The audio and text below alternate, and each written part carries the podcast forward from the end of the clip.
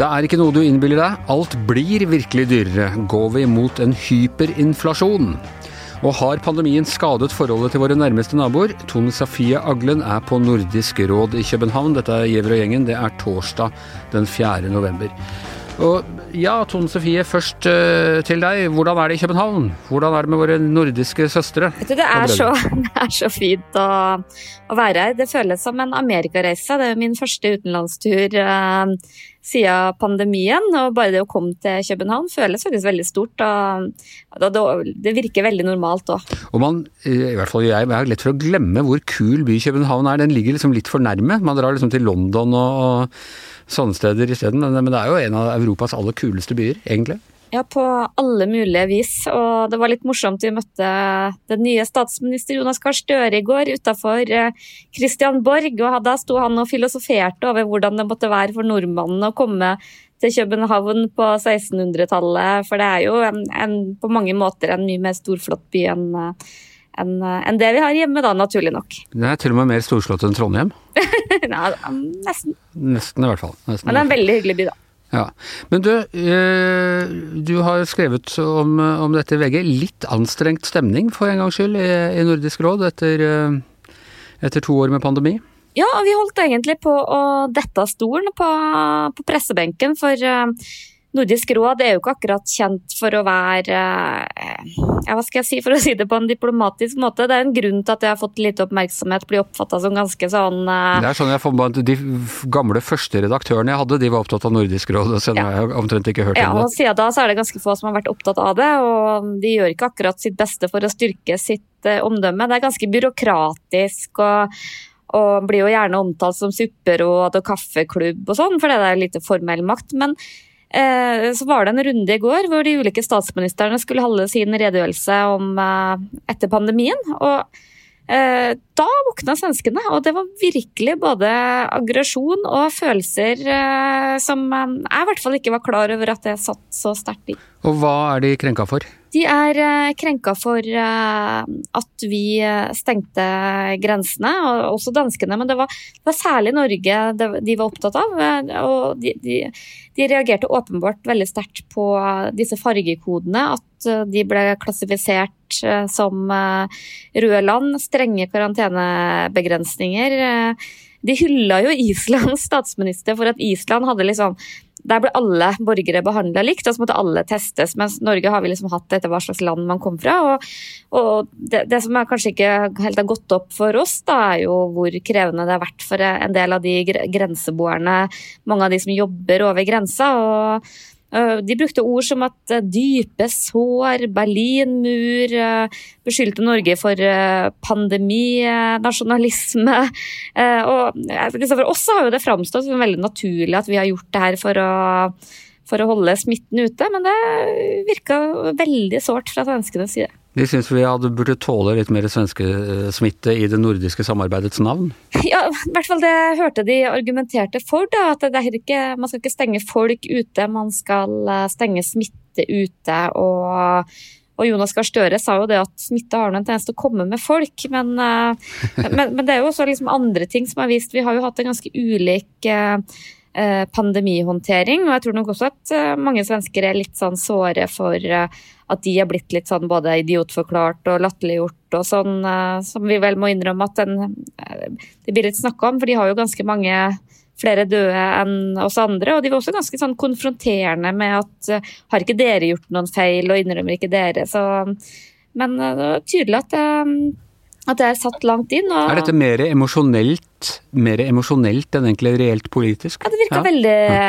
emosjonelt. Og jeg har jo også tidligere hørt at både utenriksminister og og samarbeidsministeren i, i, Sverige har jo vært bekymra for at det her skal slå sprekker. og, og Støre sa jo også det at at uh, det å reparere forholdet til Sverige, det står uh, høyt på hans agenda. og Det er liksom det første offisielle besøket Han skal gå til Stockholm. Uh, og en annen ting vi også nå hører, da, at mange svensker som har jobba i Norge, nå kvier seg for å komme tilbake hit. Du må bare si til meg at vi har ikke glemt at ni svek oss under kriget. Nei.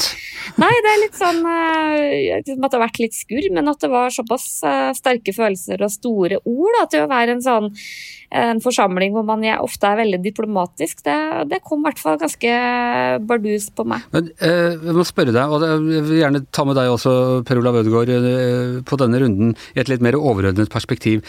Er ikke dette, altså for alle oss som tror på internasjonalt samarbeid og uh, utfordringene kan bare løses uh, globalt og sånne ting, når ikke de tre nordiske land som må være de mest sånn best integrerte naboland kanskje i, i, hele verden, klarer å finne en felles strategi for å håndtere noe så eh, globalt som en, eh, som en pandemi, da er, noe, da er det noe galt i, i samarbeidsformen. Ja, og Det er jo også noe av det de eh, diskuterer til neste krise eller neste pandemi. Vi får håpe det blir veldig lenge til hva man kan lære av det her. Eh, for jeg tror det er en erkjennelse at man med fordel burde ha løst det her eh, bedre. Mm, man, har jo ambisjoner om å være den mest integrerte regionen i i verden. Og vi tar jo veldig mye av det for gitt. Men jeg leste bl.a. en forsker som mener det at, at, det er en litt sånn ny trend. Det der at er det en krise, så stenger man grensene. Man så litt det samme med flyktning- asylkrisen. og at det er litt nytt, da, mens eh, både den norske og den danske statsministeren eh, unnskylder seg jo med at eh, det skjedde så fort. Man måtte handle, man hadde ikke tid til å og gjør ting eh, i fellesskap. Og så er jo utfordringa med det nordiske rådet og det nordiske samarbeidet at det er jo lite formaliteter. Hva tenker du om eh, dette, Per Olav? Altså, øh, selv EU hadde vel en mer samlet strategi enn det. Altså, Norge, Sverige og Danmark hadde liksom hver sin måte å håndtere pandemien på? Ja, det, og Noe av årsaken er jo nettopp at Danmark, Sverige og også da Finland er medlemmer i EU og følger EU i denne saken. Norge står utenfor. Vi blir også veldig knyttet opp mot EU når det gjelder, også når det gjaldt dette med både vaksiner og for så vidt tiltak, men vi valgte jo våre egne tiltak. Men, men Sverige og Danmark, som begge er medlem av EU, hadde jo helt forskjellig strategi for håndtering? Ja, det var ulike strategier også internt der. Men jeg, jeg tenker jo at en krise gir også muligheter, som et kjent slagord eller visdomsord eh, sier. Og, og, dette med å utvikle eh, kanskje vaksine, tettere vaksinesamarbeid, utvikle eh, medisiner, forberede seg på denne type kriser, det er jo et eh, godt prosjekt for det nordiske samarbeidet, tenker jeg. Man trenger jo å fylle det med innhold, det samarbeidet.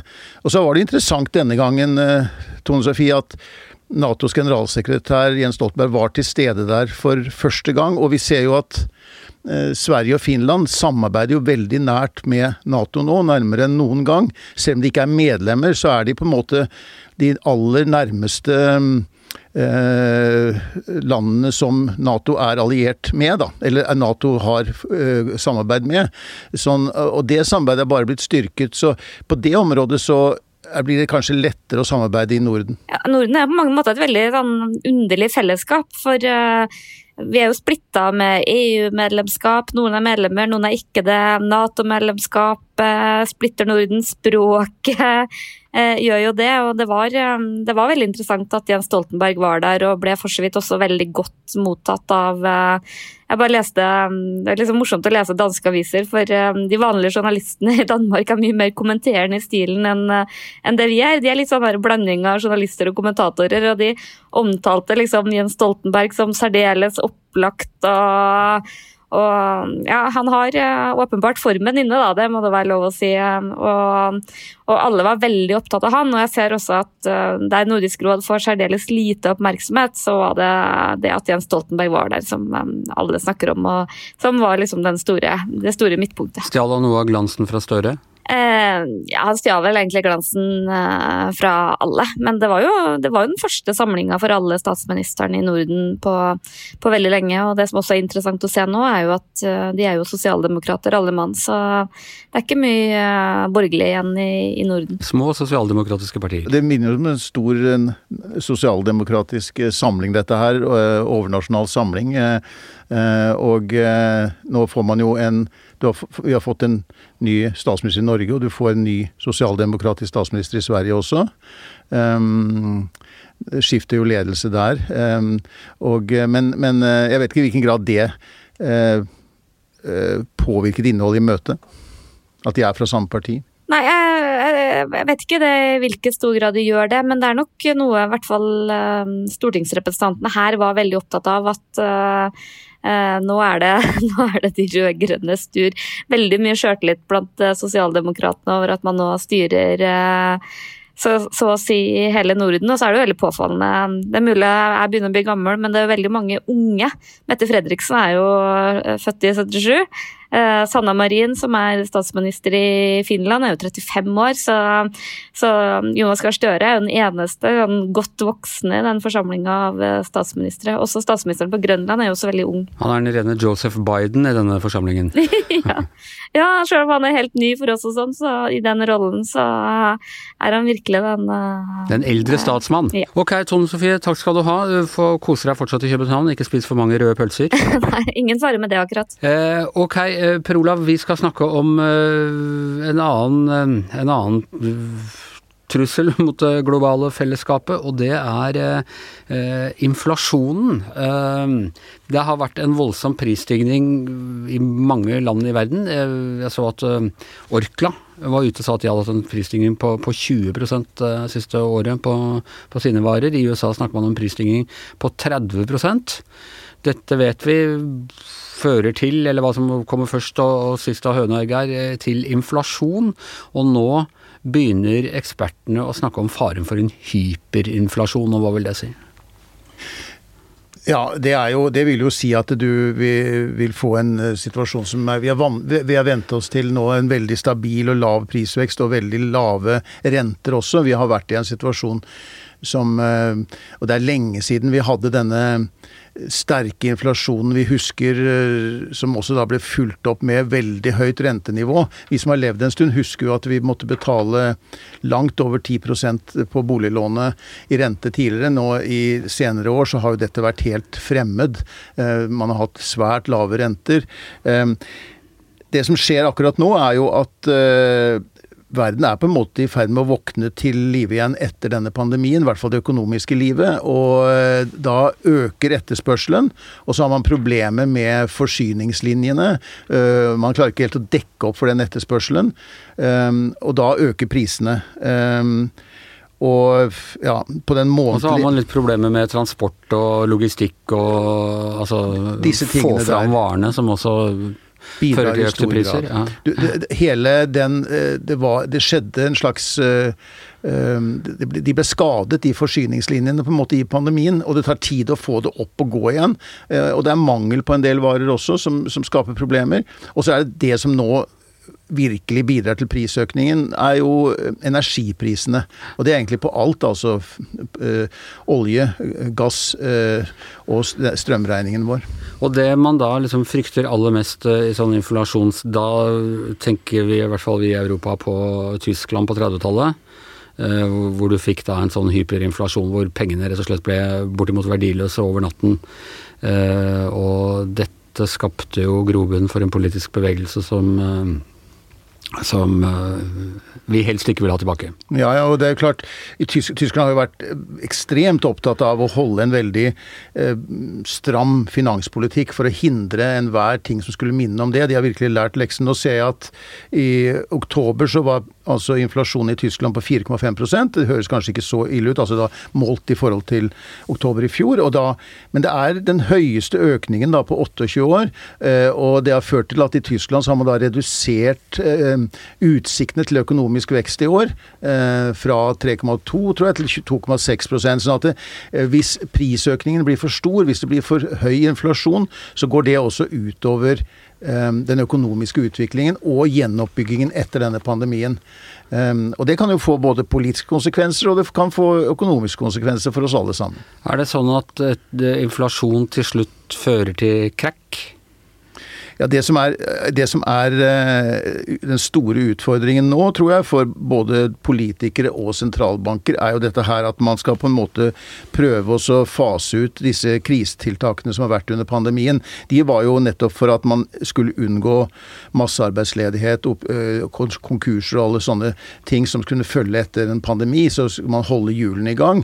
Eh, og nå må man av frykt for at nå som det er økt etterspørsel, at at det, det, skal da føre til en eh, veldig høy inflasjon, så må man da liksom dempe noen av de tiltakene. Redusere de.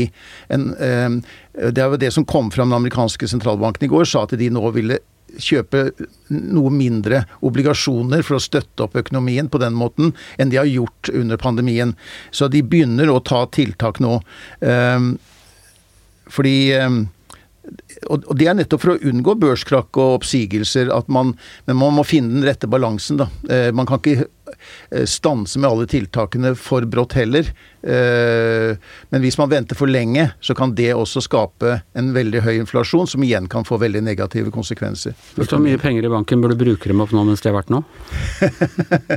ja, ja, ja. Anders, gi, Kom et råd nå, Per Olav. jeg, er, jeg er heldigvis ikke i den situasjonen. Verken at jeg har så mye penger i banken, eller at jeg er økonomisk rådgiver. Så det skal jeg virkelig ikke gi meg inn på. Men, men at det er Jeg la merke til at eh, vår alles store banksjef, eh, holdt jeg på å si, Nicolai Tangen, han sa her forleden at oljefondet vil trolig falle i verdi i tiden fremover, og at det kan komme til å vare en stund. Og det som var, han oppga som årsak til det, var at det var økt inflasjon, at det er en renteoppgang og at det er så stor turbulens i markedet. Vi må på en måte forberede oss på at den felles formuen i hvert fall synker. Og det sier jo noe om hvor vanskelig det er. Altså, vanskelig er å se inn i fremtiden. fordi eh, på dette tidspunktet i fjor så, så trodde Irriterende at det skal være så vanskelig. Ja, den, men, og, og, spesielt når det gjelder å forutse inflasjon, tror jeg det er utrolig vanskelig for de beste eksperter på området. Eh, I fjor så sa den europeiske sentralbanken at de eh, regnet med at inflasjonen på dette tidspunkt i år ville være på 1% Nå er den mer enn fire ganger så høy. Og så sier de nå at de tror det vil være forbigående. de tror hele tida? Ja, de tror. Ja. Men det tror også den amerikanske sentralbanken. Og det er ikke mangel på kunnskap og kompetanse de stedene der. Men dette er vanskelig. Og noe av problemet er jo nettopp dette at når man, når det er problemer med å skaffe varer, vi snakket om det tidligere med altså vareleveranse og sånne ting, da er det gjerne slik at man vil forsøke å sikre seg disse varene. og Da kan man kanskje ta, ta opp større bestillinger, større lagre, som igjen vil forsterke problemet. Jeg så han derre eh, finansmannen, amerikanske finansmannen eh, Michael Burry, han som eh, i 2008 var omtrent den eneste som liksom så hele krasjet komme og vedda mot, mot, markedet. Han er ute nå og sier at nå kommer det igjen og eh, hør på meg og sånne ting. Ja. Men han, han, bare tror, han også, går jeg tror. Ja, jeg, her er det, her er, Dette er et trosspørsmål. Uh, og, og er, uh, men nå i Norge så har vi jo sett at uh, vi hadde jo en null styringsrente på null. Den er allerede hevet til 0,25. Og det er vel, alt tyder på at den blir hevet igjen med en, kvart prosent i, på det rentemøtet i desember. Men sånn som Den europeiske sentralbanken sier at de ikke tror det er nødvendig å heve renten neste år i det hele tatt. Uh, så det er Men at man gjør dette i Norge, er jo også et forsøk på å hindre en altfor stor prisstigning. Ja, som du nevnte, vi som hadde boliglån allerede på 80-tallet, vi vet at en styringsrente på 0,25% det er ingenting mot hva det kan bli! Nei, det er i hvert fall helt sikkert. Ja. Ok, jeg tror vi Jeg tror vi lar det være siste ordet i uh, Giæver og gjengen i dag. Uh, tusen takk til Tone Sofie Aglen som var med fra København. tusen takk til Per Olav Ødegård. Jeg heter Anders Skjever, og mannen som sørger for at det ikke går inflasjon i klisjeer her i uh, er som vanlig Magne Antonsen. I morgen er det fredagsavslutning, og da har Hanne Skartvedt og jeg besøk av Martin Kolberg, og det bør du høre på. Takk for nå.